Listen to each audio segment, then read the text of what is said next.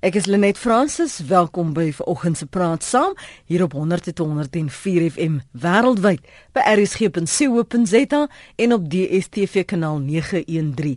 En as jy jou lyf Charlize Tron wil hou, kan jy enige tyd inskakel op uh, eh, RSG, gaan net na ons webadres rsg.co.za. En so kan jy luister selfs die programme wat jy dalk nie die dag kon raak luister nie. Dit kan jy aflaai op 'n pot gooi. Nou gisteroggend het ons gehoor wat die invloed van eksplorasie van skaliegas op ons waterbronne kan hê. Hierdie week is nasionale waterweek en dis gepas dat ons kyk na ons waterbronne wat onder druk is, veral die vooruitskattinge dat die droogte toestande wat ons tans ervaar vir die volgende 3 jaar kan duur. Vanoggend in praat saam, praat ons oor waterbestuur en hoe om 'n waterkrisis af te weer. Ons gaste is Karen Bosman, sy is onafhanklike waterbestuur spesialis. Goeiemôre Karen, welkom. Goeiemôre Lenet, baie dankie. Dankie vir jou tyd. En professor Loretta Ferris is by die Instituut vir Omgewingsreg by die Universiteit van Kaapstad. Goeiemôre professor. Môre Lenet en môre aan jou luisteraars. Ons het eers gepraat vanmôre met die woordvoerder van die Departement vir Water en Sanitasie, meneer Sputnik Retal, oor die belangrikheid van 'n projek soos Waterweek. The National Water Week on an annual basis is very critical for us as a nation in the sense that it reminds us and helps us to keep in mind livelihoods that we have in the country, be it industry, be it farming, be it uh, household and, and everything else that happens, all kinds of development and all kinds of livelihoods are dependent on water. And therefore, we need to remind ourselves of the centrality of water. But part of what we need to also put out to our nation is that uh, as we continue with the National Water Week, we need to remind ourselves that we need to protect all sources of water. And we also need to see water as an, an, an important resource that helps us to make sure that uh, our health, our schools, our everyday life, so that is what we are saying. But based on how we connect with uh, the United Nations World Water Day, we need to make sure that our messaging and the messaging of the United Nations are in tandem. And therefore, what we are saying is it is water for people and water by people. And that is indicative of how people must always consider what water does for them, but also make sure that they also consider what they can do to safeguard this resource. Ons praat verder met Karen Bosman en professor Loretta Ferris. Karen, sommer vir jou vra na aanleiding van wat Sputnik Reta daar sê dat die boodskap wat ons as 'n land uitstuur moet in ooreenstemming wees met dit wat die uh, Verenigde Nasies sê, water vir alle mense. Is dit 'n konsekwente boodskap wat ons hier in Suid-Afrika nog altyd uitgestuur het dat ons ernstig is oor die bestuur en van water en die besparing van water?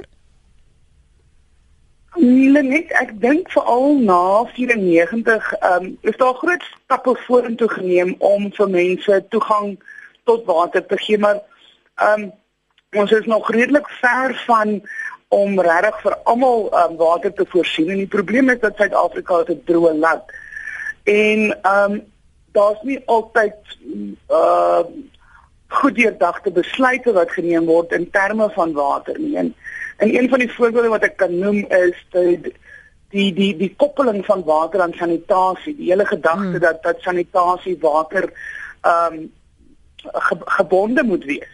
Nou as mense dit in gedagte hou dat Suid-Afrika eintlik per capita minder water per persoon beskikbaar het as ons droër buurlande Botswana en Namibië, dan moet ons baie meer oordeelkundig werk wanneer ons na ons beskikbare waterbron en die allocasie daarvan kyk. Want daar's letterlik nie genoeg water om vir almal ehm um, waterdraande van die tannie te verskaf en vir almal drinkbare water te verskaf. Waar staan ons met die res van die wêreld in terme van watervoorsiening en bestuur in Suid-Afrika professor Ferris? Ehm um, net ek dink soos Karen gesê het, sit ons met Ons sit met 'n uh, 'n hele groep beleidsdokumente. Ons sit met wetgewing, twee verskillende wette wat fokus op die bestuur van waterbronne sowel as die verskaffing van water aan mense, aan industrie, ens.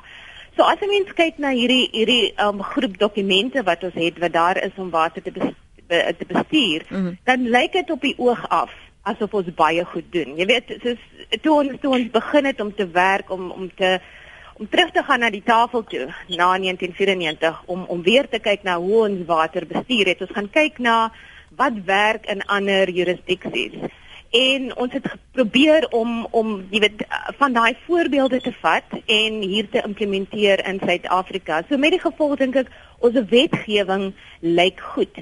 Ek dink soos wat Karen sê die probleem lê by hoe ons daai wetgewing implementeer. En ek dink veral nou wat ons begin sien is die die groot swakheid op die oomblik is dat ons beplanning wat betref water is dit daar. So jy mm. so jy weet jou vraag aan die begin was wat doen ons as daar 'n krisis is? Mm. Wel ons is op die oomblik in 'n krisis. Ons sit met 'n droogte wat ehm um, besig is om vir ons te wys dat dat water is gekoppel aan aan voedselsekuriteit en water is gekoppel aan energiesekuriteit. En so as ons nie water het nie, gaan mense begin om nie kos te hê nie. Um, ook impak het op ons energie. So hoe beplan ons vir die toekoms? Jy weet en en en daai beplanning is nie daar in ons op op die die meganismes om te kan beplan mm. is nie in ons wetgewing ingeskryf nie en dit is dit is op die oomblik 'n groot probleem. So kan ek aanneem dat selfs die wetgewing wat ons het praat nie noodwendig met mekaar nie. Weet jy, ehm um, ons het Ehm um, ons het aan die begin, jy weet na die 94 so ons, ons gaan altyd miskien terugkom na 94 want daar was 'n groot skuif in wetgewing voor en na 94. En ehm um, daar was 'n besluit geneem om om ons wetgewing te te sit van te split. Uh, daar is 'n wetgewing wat kyk na die bestuur van die bron en daar's wetgewing wat kyk na die aflewering van water. En ek dink die regering is nou besig om om terug te gaan na daai besluit en hulle wonder of of dit 'n goeie idee was. Jy weet, en dan vir mense nie sit van een stuk wetgewing benodig het om te kyk na na al twee nie. Hmm. Ehm um, maar maar ja, dit is ek dink dit is een deel van die probleem dan net. Dit is nie die oorgrootste probleem nie. Karen, ek ek kan hoor jy wil iets byvoeg en dan wil ek jou sommer ook vra Karen om vir ons luisteraars want, want van ons eh, eh, eh, hier is nou die eerste keer wat ons 'n droogte soos die ervaar. Ons verstaan nie dat daar verskillende tipes droogtes is nie. Miskien ook net vir ons daaraan raak asseblief. Ehm um, Net die, die eerste plek is ek ek was betrokke by die wetskrywery in in mm. in ehm um, tussen 94 en 98 en die feit dat ons twee wette het is omdat ons grondwet so geskryf is en ons om om om een wet te maak moet ons 'n grondwetlike verandering ehm um, gaan moet maak want die grondwet sê vir ons dat munisipaliteite verantwoordelik is vir watervoorsiening op munisipale vlak en dis ook om ons waterdienste het. Ehm um, 'n wet het teenoor die waterbronbestuurswet wat die nasionale beskerming en bestuur van ons waterbronne beheer. So Ehm um, ek dink dis dis nie noodwendig verkeerd dat ons die twee wette het nie. Ek dink ook die wette is baie is tot 'n groot mate baie goed geskryf. Die probleem lê by die implementering van die wette en dit lê dan by die implementering van die wette op plaaslike owerheidsvlak. Ehm um, en ek kan nou terugkom daarna hmm. toe. En dan nog van jou tweede vraag is ehm um, die verskillende tipe droogtes wat ons het. Nou as mens teruggaan in die geskiedenis en kyk wanneer het Suid-Afrika droogtes, dan is dit is dit redelik siklies en redelik klokslag. Elke 11 tot 18 jaar gaan ons 'n droogte hê. Um en met ons agtergrondinligting wat ons het, weet ons dit nou al. Nou, daar's ons as mense van 'n 2 geleer het of 'n graad 4 geleer het van die hidrologiese siklus, dan weet jy hoe werk dit van um reën en verdamping en so aan. En daar's 'n ding wat ons noem die hidroonlogiese siklus. Siklus. Mm. En die hierdie onlogiese siklus is die oomblik as dit reën en dink mense die droogte is verby. Dan gaan die mense in 'n apatiefase in en daar's geen beplanning vir wanneer daar weer oor 11 jaar 'n droogte gaan wees nie. Met die gevolg dat soos Loretta gesê het, ons nasionale waterbestuursplan noem skaars die woord droogte. En as jy weet iets gaan gebeur, dan kan jy daarvoor beplan. Maar ons beplanning vir droogte is nie waar dit moet wees nie. En in terme van die verskillende soorte droogtes wat ons nou beleef is 'n uh, 'n uh, uh, meteorologiese of hidrologiese droogtes. Nou ons sien in sekere dele van die land hoe hy oorskakel in 'n landboukundige droogte waar die die ehm um, gewasse nie genoeg waar daar's nie genoeg vog in die grond meer oor vir die gewasse om te groei nie. Maar die vierde soort droogte het ons op 'n kroniese vlak ehm um, en dit is 'n sosio-ekonomiese droogte. En dit is waar mense nie toegang tot water het nie of nie water beskikbaar het. En daar's dis die uh, of dit nou reën of nie reën, dis die realiteit vir baie mense in ons land. Is dat hulle doodgewoon nie toegang tot water nie. Mense veral vrouens moet 4 mm. ure lank elke dag um 2 ure waterbron toe loop en 2 ure terugloop waterbron toe. En praat nie hier net van die droë dele. Ek was so 2 weke terug naby Brit of tussen Skeerpoort en Hartbeespoort dan. Wat sê jy die oggend vrouens met met kruiwaans vol emmers loop om te gaan water haal? En uh um as mens dink hoe hoe groot ekonomiese impak dit het of sosio-emosionele sosio-ekonomiese impak dit het as jy nie 'n kraan het wat jy kan oopdraai waar daar water uitkom. En dis waarom dit so belangrik is dat ons baie baie mooi moet kyk na die bestuur van ons water en seker maak dat mense toegang tot water binne baie kort afstand van hulle woonplekke af. Mm. En ons beleef die sosio-ekonomiese droogte um al vir baie lank want ons het doodgewoon nie mense wat toegang het. Ons het mense wat doodgewoon nie toegang het tot water nie.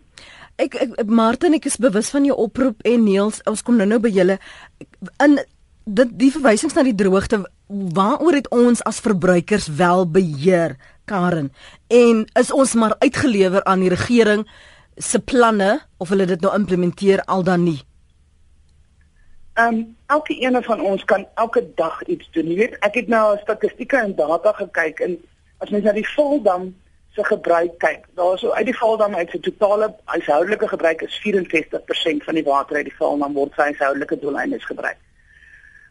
Van daai 64% raak daar op 'n daaglikse basis meer as 25% verlore as gevolg van lekkende krane en pype.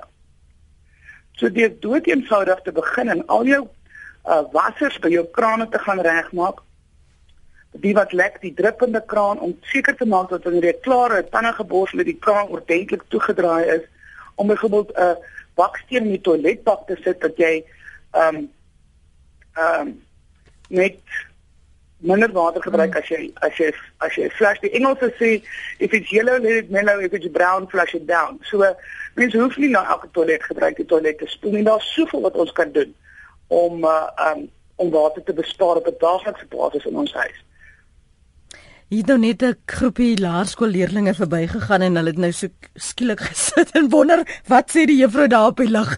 If it's yellow, let it mellow. If it's brown, flush it down.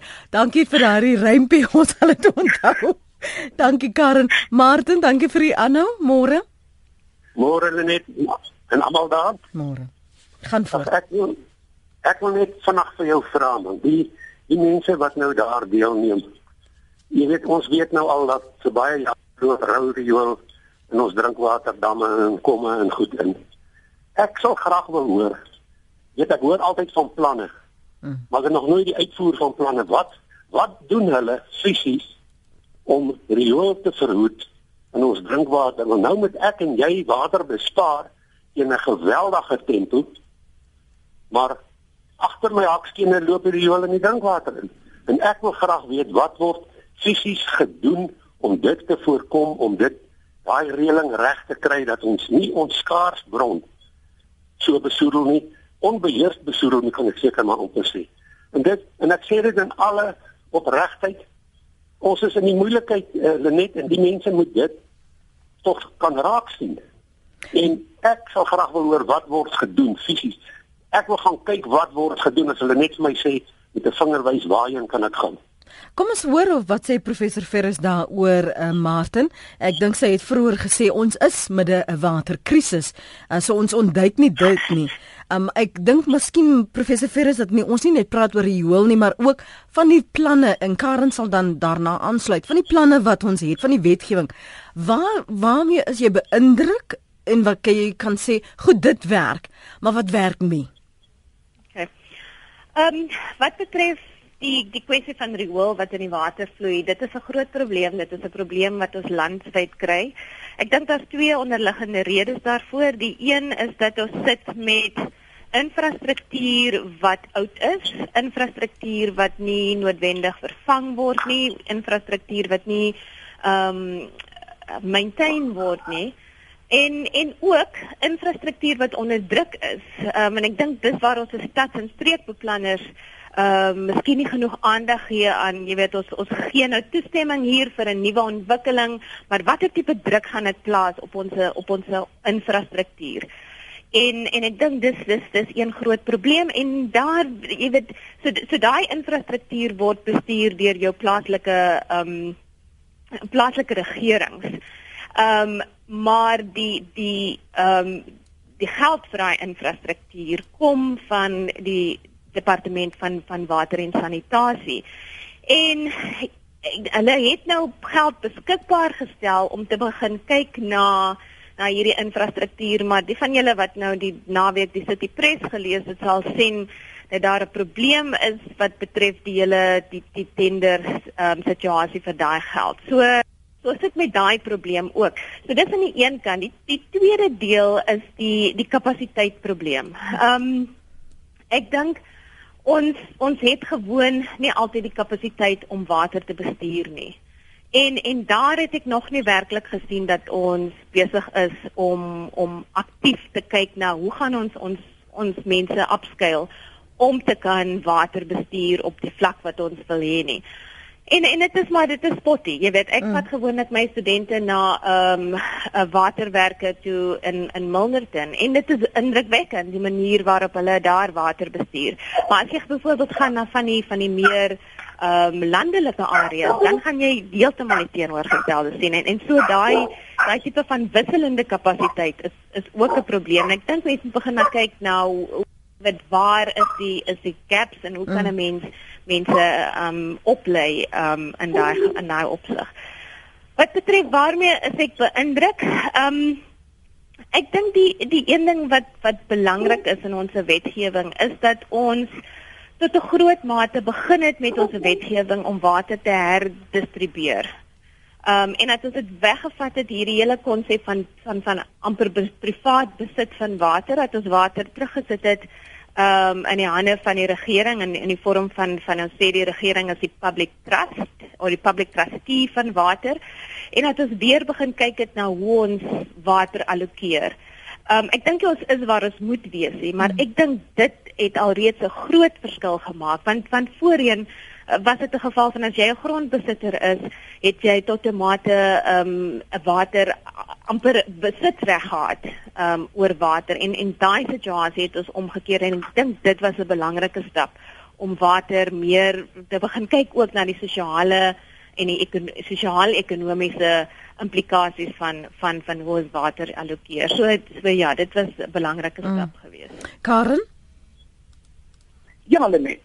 Ek kan ek jou vra net 'n bietjie aanhou dat ons net gaan vir ons luisteraars hierso uh van laat hoor Pat hou hulle rukkie aan en ook Koos. Pat, kom ons gee vir jou kans. Goeiemôre Lenet en die gaste. Uh ons is bekend as 'n droë land. Ons is op hierdie oomblik baie droog met die min reën en baie hitte. Maar in die in die Kaap oor die laaste ruk is daar baie brande waar huise en plesieroorde en alles in naby die brande is. Jy weet ons kan nie weerlig vir baie dinge blameer. Maar 'n brandstigte met een vuurtjie stig 'n brand en dan moet die helikopters met hulle waterbomme duisende duisende duisende liter water op daai. Hulle gaan nie see toe om seewater te gebruik. So dis alles vars water van iemand gevat om op daai brande. Dis die punt wat ek wil maak. Soveel water word ge, ek sal nie sê gemors, maar dit is gemors want dit is onnodig. As 'n brand aan die gang is en dis nie weerlig, dan is iemand verantwoordelik vir baie baie baie duisende liter water op 'n brand te gooi wat vars water gebruik. Dis die punt wat ek wil maak net. Baie dankie Pat. Kom ons hoor wat sê Koos. Môre Koos. Goeiemôre Lenet. Lenet, uh julle net nou verwys of julle mense wys net verskillende wette wat van toepassing is en alles. En ek dink ons het nou al vir mekaar gesê ons is 'n skaars land wat er ons groot probleem is hoe water bestuur word. Ek dink dit is ons nou dit is een van die groot probleme. Nou wil ek net vir jou gaste vra. Hier verbruikers uh beskerm word die CPA die Consumer Protection Act hmm? wat die munisipaliteite van vrygestel is Hulle die moet dan maar kyk as jy 'n verbruiker is ontevrede oor iets, kan jy daai wet gebruik, maar jou verbruiker in die munisipaliteite kan oor sekere goed kan dit nie gebruik word die munisipaliteite is vrygestel van daai wet af. My vraag is sal dit nie 'n goeie instrument wees om verantwoordbaarheid by ons plaaslike regerings te begin kry as ons daardie wet ook van toepassing maak op ons munisipaliteite nie. Dit is net ek vra net want dit die mense mors water. Ek meen ek is self betrokke by munisipaliteite. Hulle mors water. Hulle hulle hulle, hulle doen nie herstelwerk nie. Daar's geen beheer oor nie. Hulle waarsku nie mense betyds om te sê hier's 'n droogte op pad, wees versigtig met water nie. Mm -hmm. Dis dit die mense wat dit eintlik moet doen, die mense wat verantwoordelikheid moet aanvaar daarvoor. Aanvaar nie die verantwoordelikheid nie. Nou as mense miskien met 'n verbruikerswet kan help dwing en sê ek as verbruiker word benadeel mm -hmm. die feit dat jy water nie reg bestuur nie. Ek sal graag hoor dit sê jou gaste daaroor asseblief. Dankie vir jou oproep Koos. Is, is jy tevrede met die die wyse waarop munisipaliteite water bestuur Karen en ek sou daar hoor ons nou wat sê Koos, ehm um, die verantwoordelikheid ontbreek, die verantwoordbaarheid, ekskuus tog ontbreek.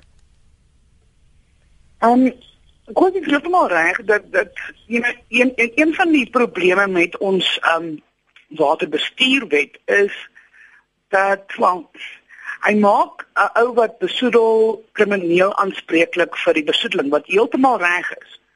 Maar nou is ons grondwet so geskryf dat um uh staatsinstansies mekaar nie mag hof toe vat en hulle nie alle ander kanale probeer het om die probleem op te los nie. Met die gevolg dat 'n munisipaliteit is is, is beide 'n gebruiker en 'n potensiële besoedelaar. So as die munisipale riool nou in die rivier inloop, um vir die departement van waterwese om nou 'n kriminele uh, saak te gaan ondersoek, um is nie so maklik soos wanneer dit 'n myn of 'n industrie is wat die besoedeling veroorsaak nie. En een van die goed wat wat moet verander in die wet is dat daar alternatiewe ehm um, uh, um, uh enforcement, ek is mooi seker wat die Afrikaans daarvoor is nie. Maar dan moet 'n alternatiewe meganisme wees om seker te maak munisipaliteite kom wel die wet na. Nou om dit aan te spreek so 8 9 jaar terug het die regering die ehm um, sogenaamde blue drop green drop stelsel geïmplementeer wat daarop gemik is om munisipale prestasie te verbeter mm. ten opsigte van die behandeling van van van rouwater en die behandeling van rioolafval. En dit is 'n slegte stelsel nie ons sien baie goeie verbetering op baie plekke. Maar soos wat Loretta vroeër gesê het, die infrastruktuur is verouderd, die kapasiteit van die infrastruktuur is nie nou daar om alles aan te spreek en te hanteer nie. En daarom sien ons baie probleme op munisipale vlak. Dis baie moeilik om munisipaliteite met ons huidige grondwet soos wat hy geskryf is te so ver te kry en te oortuig om hulle um, water behoorlik te bestuur. Nou, een van die meganismes wat die departement tot sy beskikking het, is wat ons um, noem die waste discharge charge system en dit is 'n finansiële stelsel waarop grond van industrie en munisipaliteite betaal vir die besoedeling wat hulle in die rivier insit. Hmm. Nou die stelsel is nog nie geïmplementeer nie. Hy's reg om geïmplementeer te word, maar dit gaan die verbruiker op die ou einde baie meer geld kos as sy munisipaliteit besoedel en baie meer druk op die munisipale begrotings plaas vir die hoeveelheid um, afvalstof wat hulle dan in 'n rivier sou stort. So daar is daar is ehm um, gereedskap in die wet beskikbaar. Dit is net nog met die implementering daarvan waar daar ehm um, 'n agterstand is. Kom ek lees wat skryf julle op ons SMS lyn en dan kyk ons ook wat sê jy op ons webblad. Um, môre iets wat my geweldig pla is die outomatiese krane by lughawens. Dit loop ongeveer 3 sekondes langer as wat nodig is. Hoeveel miljoene liters raak dan so gemors nie? Ons sit met 'n see vol water. Wat is die vordering met navorsing oor ontsouting en benutting daarvan? Miskien sal professor Ferris daarop kan reageer. Om 'n waterkrisis af te weer, betaal die mense van Suid-Afrika ai, net tog, sal weer nou kinders kry. Sal dit 'n goeie begin wees as rioolwerke landwyd herstel word eerder as om rou riool in ons riviere en damme te stort nie? Dis Dirk se vraag. Uh, ons kry so baie reën op die oomblik. Hoekom nie subsidie op groentanks nie? Uh, sal mos help vir ons om water te stoor, skryf Stefan. Nee, wat water week, dit moet water jaar wees. Ons moet elke dag spaar. Die plan moet elke mens se prioriteit wees, sê Edith van Durban.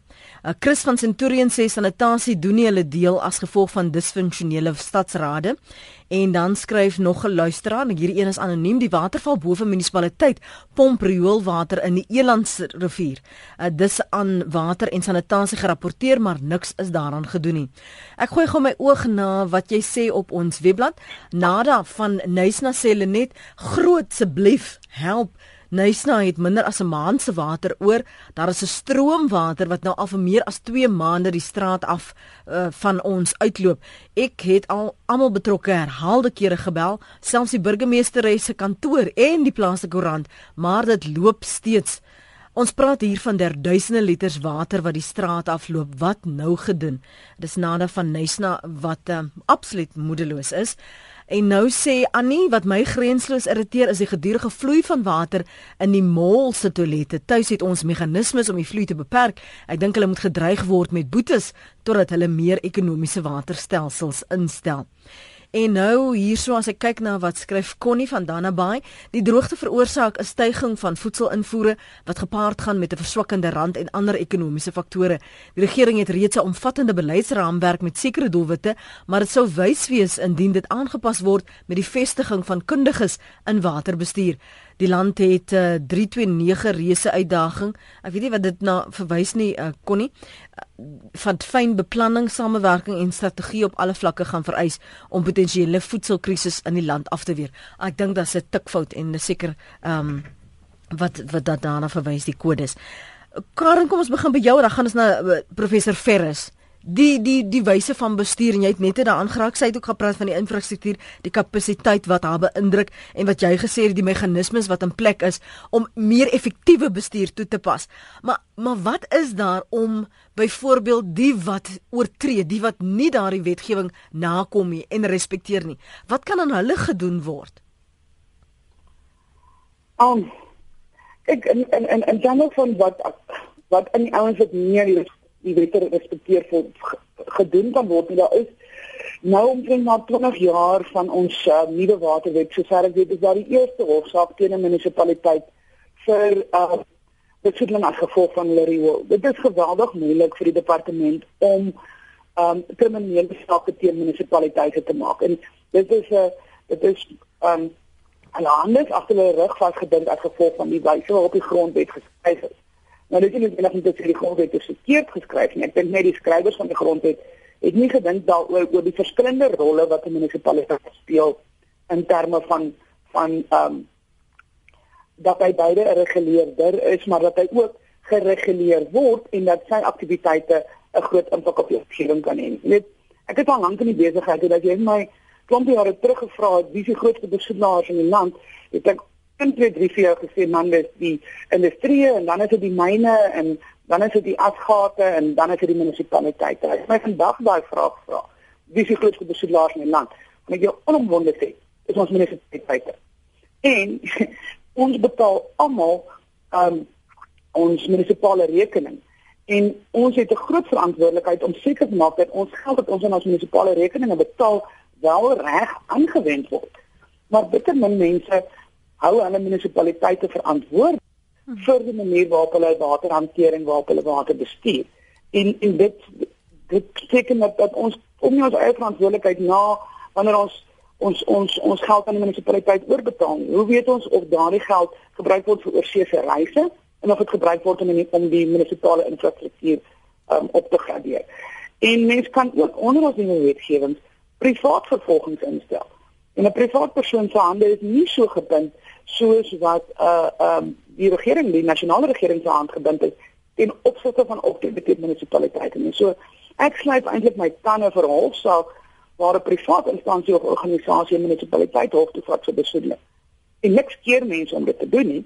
Um ons het dit net nog nie gesien gebeur nie want die mense is eintlik nog apaties mm. wanneer dit kom by die besoedeling van hulle riviere. En kyk dat ek altyd kyk na iemand anders wat dit vir ons doen. Ja. Al mense kan self iets doen en daar's genoeg omtrent organisasies in die land wat ehm um, wat sal bystaan en wat sal help om so om so iets te doen.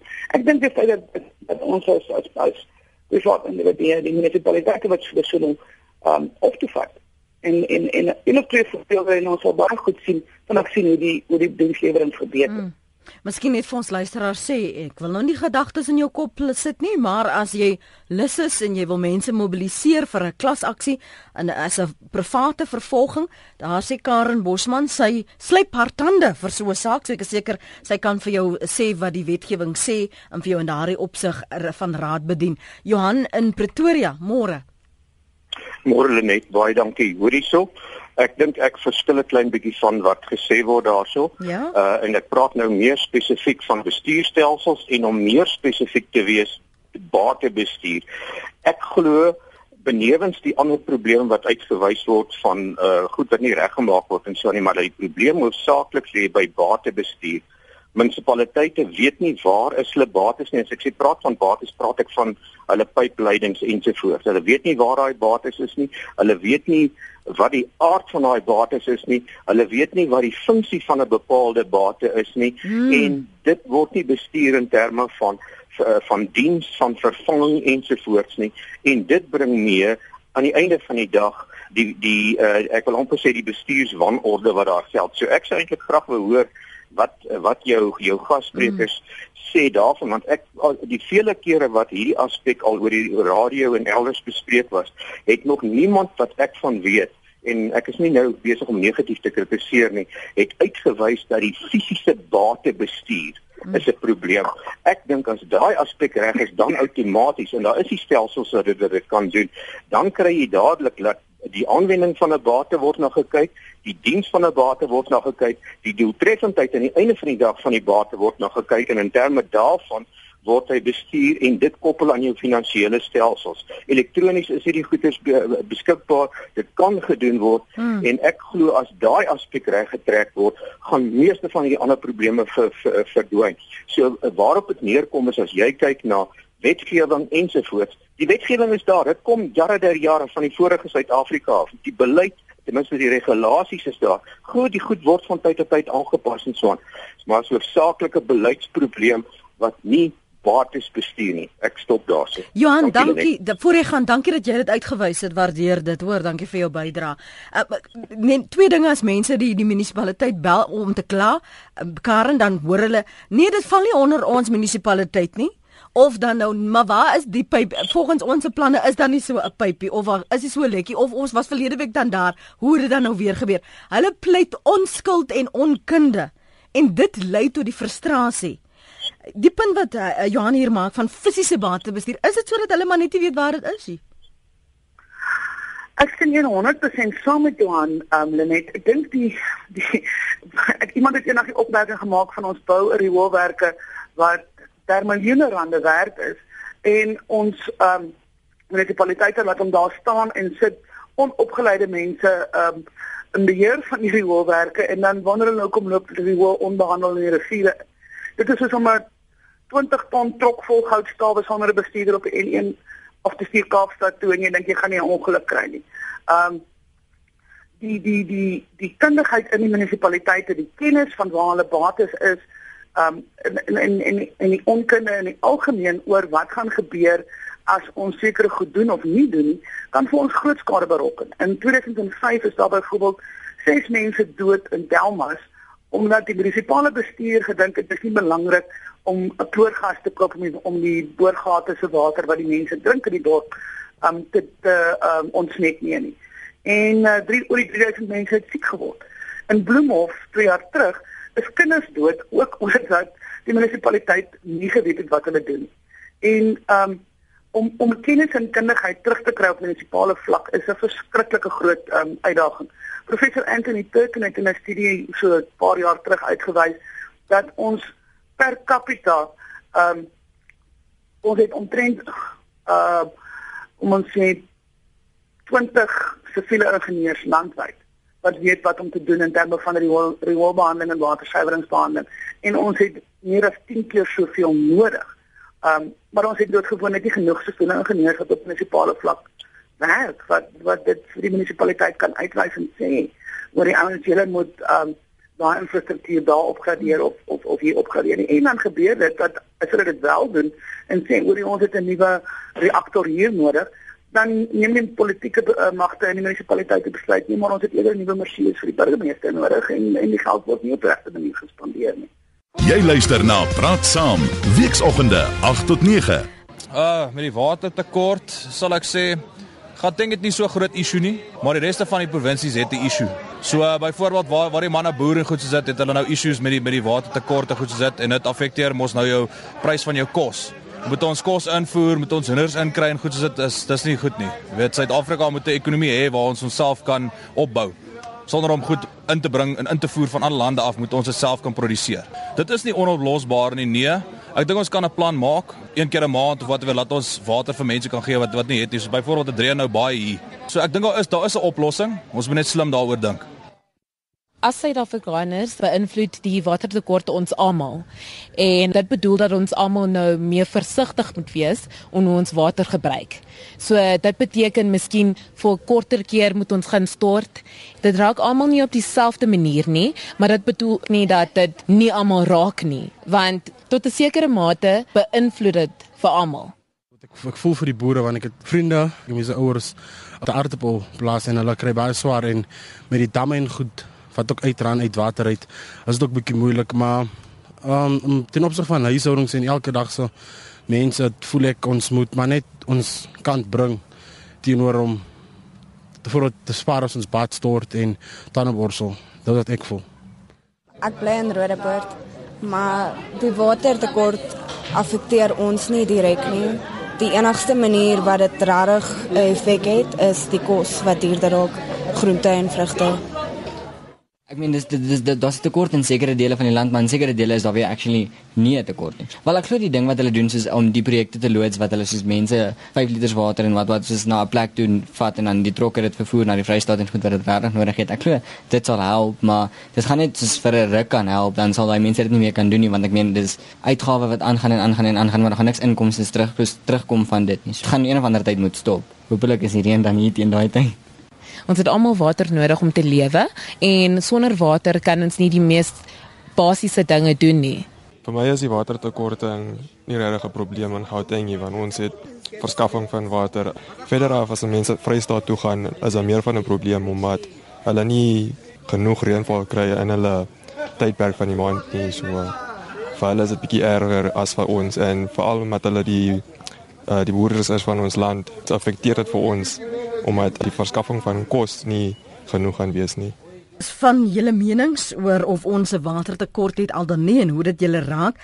Professor Ferris het ons op sekere plekke 'n oorvloed en en 'n tekort. Is dit hoekom ons hierdie projek ehm um, Hydrate sien gebeur en en watter rol speel klimaatsverandering in hierdie watervoorsiening? Ja, kyk ons water is natuurlik nie konstant nie. Ons het ehm um, of of die die ehm um, die droogte in die land is is nie oral dieselfde nie en dit is as gevolg van die feit dat ons verskillende reënvalseisoene het in die land en ook dele het in die land waar jy meer oor die algemeen meer water kry as in ander dele van die land. So ons het hierdie hierdie konstante tipe van uh voorsiening van water nie. So ek sal nie die woord oorvloed gebruik as dit in die begin gesê dat ons in elk geval 'n droë land is, maar daar is op hierdie stadium is daar dele van die land waar daar die droogte nie so sterk gevoel word. Ek dink ons het droogte dwars deur die land. Um in sekere vyf van die provinsies is daar nou al reeds rampgebiede verklaar. Maar ek dink in die ander 4 provinsies is daar in elk geval 'n tekort aan water. Ons het nog net nie daai vlak bereik waar ons kan praat van 'n van 'n droogte nie. Hmm. Ek dink die invloed van van klimaatsverandering begin ons al hoe meer voel. Ehm um, hierdie jaar die NASA het gesê dat dat hierdie jaar of verlede jaar sorry, uh, 2015 was die warmste jaar op rekord. Ehm um, en en dit gee vir ons 'n idee dat ons in in hierdie era waarin ons nou is waar ehm um, klimaatsverandering kom as gevolg van van die van die tegnologie wat ons gebruik as ehm um, wat industrie gebruik. Ehm um, sien ons hierdie hierdie konstante toename in temperatuur en dit natuurlik gaan beteken dat ons waarskynlik langer droogtes gaan hê. So hierdie droogte wat ons tans het, ehm um, word veroorsaak deur El Niño. Maar ek dink dit word vererger en versterk deur klimaatsverandering. En so ek dink wat ons begin moet doen, ons het, ons praat die hele tyd van bestuur en beplanning, mm. is dat ons moet beplan vir water in in die konteks van klimaatsverandering. So net om vir jou 'n idee te gee byvoorbeeld, ek dink dat wanneer ons water allokeer aan aan boere byvoorbeeld, ons weet dat boere nou op die oomblik sukkel onder die mm. droogte, maar terselfdertyd dink ek daar is ook ehm um, aan die kant van van boere moet hulle ook meer doen om te begin kyk na na boerderypraktyke wat baie meer watervriendelik is en ek dink dat dat as ons water um, gebruikslisensies allokeer aan boere, dat daai een van die voorwaardes moet wees wat ons moet begin inbou. Ja, jy kan water trek uit hierdie rivier uit, maar jy moet op op hierdie manier begin begin kyk na jou boerdery. Ek is byvoorbeeld betrokke by 'n organisasie BioWatch. Nou hulle hulle dis 'n organisasie NGO mhm. wat ehm um, small scale farmers. Hulle werk met small scale farmers en hulle beoefen agroecology en hulle werk daarbo in die in die noorde van KwaZulu-Natal en hulle het al hierdie metodes wat hulle deel maak van hulle boerdery om seker te maak dat hulle water ehm um, die gebruik van water beperk. Ehm um, en hulle gebruik ook tradisionele sade wat baie meer aanpasbaar is vir vir vir uh, plaaslike con conditions en dat wat wat resilient is in hierdie droogte teenoor byvoorbeeld die gebruik van geneties gemodifieerde um insade. So en en ons sien dat hierdie boere baie minder sukkel in die droogte as die mense wat wat konvensioneel boer. So ek dink met klimaatsverandering moet ons daai daai gedagtes skuif begin doen oor hoe ons boer. Want onthou, die grootste watergebruikers in die land is boerdery. So eintlik wat ons nou sedert ons begin sien het die die droogte is besig om voedselpryse te affekteer. Ons hierdie verskillende projekte sien om water van een provinsie na 'n ander een te dra en te vervoer. Moes ons nou al eintlik hierdie krisisvergaderings gehad het professor Ferris om te beplan vir al ons ons tekortkomings sien. Ons kan nie implementeer ons het hierdie wonderlike planne, maar ons kom nie te by implementering nie. So nou weet jy, die vooruitsigte is volgende 3 jaar is dit ons voorland. So wat doen ons intussen sodat daardie effek nie so vernietigend is na 3 jaar nie? Ja, absoluut. En en ek dink die wat ons gesien het nou is dat dat daar's nou 1 miljard geallokeer, maar dit is vir my ehm um, ek het nie Afrikaans daarvoor, maar dit is knee jerk eh, reaksie. Ja, jy weet, so ja. ons gee nou geld vir vir mense om om watergate te boor. Dit is dit is nie sustainable nie. Jy weet, ehm um, ons ons ondergrondse water is waarskynlik die bron wat die minste beskerming het in ons wetgewing. En nou gee ons vir mense geld en sê gaan boor, jy weet boorgate, maar jy weet ons ondergrondse water, dit vat 25 jaar of meer om dit te voed en daai water voed ook ons ons surface water. So so ons moet begin wegskuif van hierdie hierdie tipe van ons het nou 'n krisis, nou doen ons ABC. Ja. Ons moet begin dink aan jy weet hier's nou 3 jaar.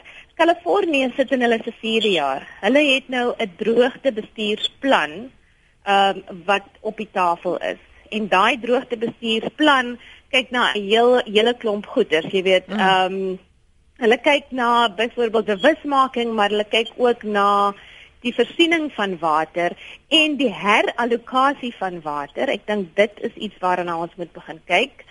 Ehm um, en dan ook hoe hulle water gaan bestuur. Hulle het nou vir die eerste keer as hulle nou gedwing om 'n wat om 'n ondergrondse waterbestuurwet op die tafel te sit. Jy weet, so ons sal ook moet begin kyk na na hierdie tipe langtermynbeplanning. So ek moet net hier sê, jy weet, soos ek dink Kalifornië is 'n is 'n voorbeeld van, jy weet, eh, dis nie net Suid-Afrika wat nie hierdie goed voorsien en beplan daarvoor nie. Kalifornië is ook gedwing deur 'n 4 jaar lange droogte om nou ewe skielik hierdie skuwe mm. te maak. Maar jy weet dit dit in die langtermyn gaan dit dan vir ons help en soos Karen gesê het, hierdie droogtes gaan net weer kom. En die volhoubaarheid van hierdie planne Karen so binne 30 sekondes asseblief en jy het die laaste woord. Ja, genade en ek wil eintlik so baie vir jou sê. Skus man. Ek ehm um, volhoubaarheid, 'n ou sal moet teruggaan en wetenskaplik mooi kyk. Ons het in baie gevalle met die sondes van ons vaders. Ons moes nooit 'n waterdraande sanitasiestelsel gehad het nie. Ehm um, want ons is 'n droë land, maar ons is gekoloniseer deur die Engelse. Dit was hulle stelsel en nou sit ons met die stelsel. En as ons byvoorbeeld kyk is hoe breek ons die nutriënt siklus? Ons neem voedingsstowwe uit die grond uit, ons eet dit en ons sit daai voedingsstowwe in riviere in. En dit maak eutrofikasie. Dan voer ons urea uit China uit in om in Suid-Afrika te gebruik as um uh kunsmis. En dit maak glad nie sin nie. Ons gebruik um fossil fuels om kunsmis mee te maak wat tot klimaatsverandering bydra. As ons na die hele stelsel ordentlik gaan stilsit en oorkyk uit 'n wetenskaplike oogpunt met die kennis wat ons vandag het, dan gaan ons moet sê, ons moet wegstap van waterdraande sanitasie. Ons moet begin kyk na die hergebruik van goed soos urea en ons moet begin kyk na hoe kan ons ons stelsels beter implementeer en slimmer implementeer en dan gaan ons hierdie krisisse die hoofkant bied.